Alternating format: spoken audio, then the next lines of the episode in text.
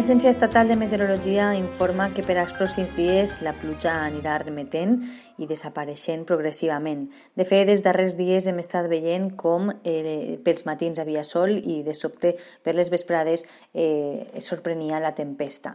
Eh, avui, dia 2 d'abril, dijous, eh, ha hagut durant el matí eh, moments en el que ha lluït el sol al cel i també cels coberts i algo de plugim. La temperatura màxima ha arribat fins als 15 graus, mentre que la mínima s'ha quedat en el 7. Pel que fa a demà divendres, la jornada s'espera més tranquil·la, amb, poques, amb poca probabilitat de pluja. En concret, eh, la màxima probabilitat és d'un 40% entre les 12 del migdia i les 6 de la vesprada i s'espera que les temperatures màximes vagin pujant progressivament des de demà i durant la resta dels dies. Demà la màxima arribarà als 17 graus i la mínima es quedarà en 7.